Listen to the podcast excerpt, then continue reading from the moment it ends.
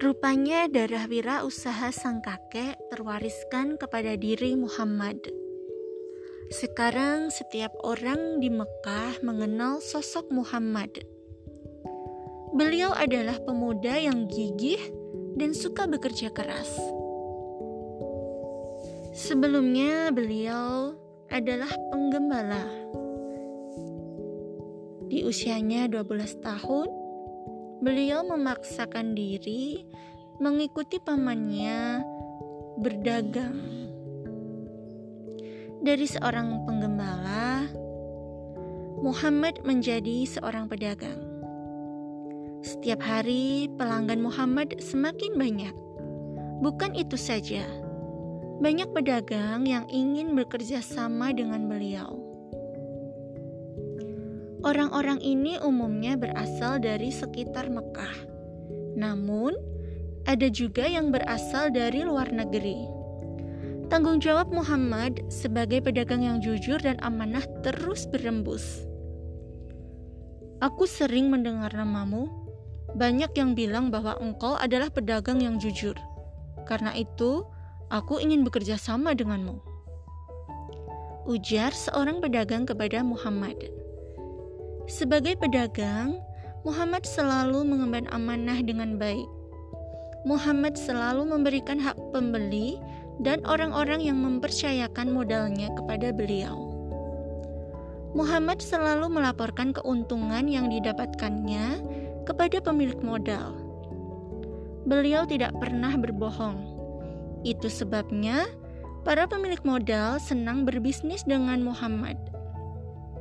Wah, Semenjak bekerja sama denganmu, aku mendapatkan keuntungan yang berlipat. Aku harap kerjasama ini akan terus berlanjut. Ujar seorang pemilik modal kepada Muhammad. Salah seorang sahabat Rasulullah Shallallahu Alaihi Wasallam yang bernama Ubadah bin As-Samit meriwayatkan bahwa beliau pernah bersabda, Berikanlah kepadaku enam jaminan dari diri kamu maka aku akan menjamin surga untuk kamu.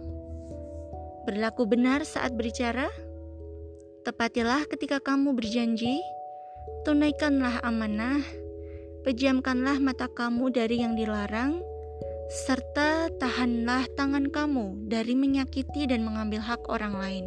Hadis riwayat Ahmad. Muhammad tidak pernah mengingkari janji yang telah disepakati. Oleh karena itu, banyak orang yang mempercayakan modalnya kepada beliau. Beliau juga pantang menyembunyikan cacat atas barang yang dijualnya. Beliau juga tidak pernah mempermainkan harga pasar. Nama baik Muhammad Shallallahu Alaihi Wasallam sebagai pedagang yang amanah telah menjadi pembicaraan ramai. Para pemodal tidak ragu-ragu menjadikan Muhammad sebagai mitra bisnisnya. Selain itu, banyak juga yang tertarik untuk menjadikan Muhammad sebagai menantunya atau suaminya. Saat itu, Muhammad menjadi pemuda idaman para gadis dan perempuan kaya.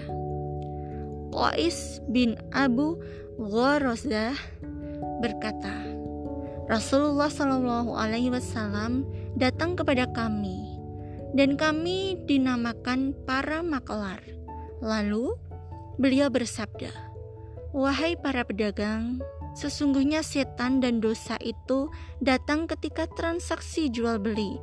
Maka gabungkanlah jual beli kalian dengan sedekah."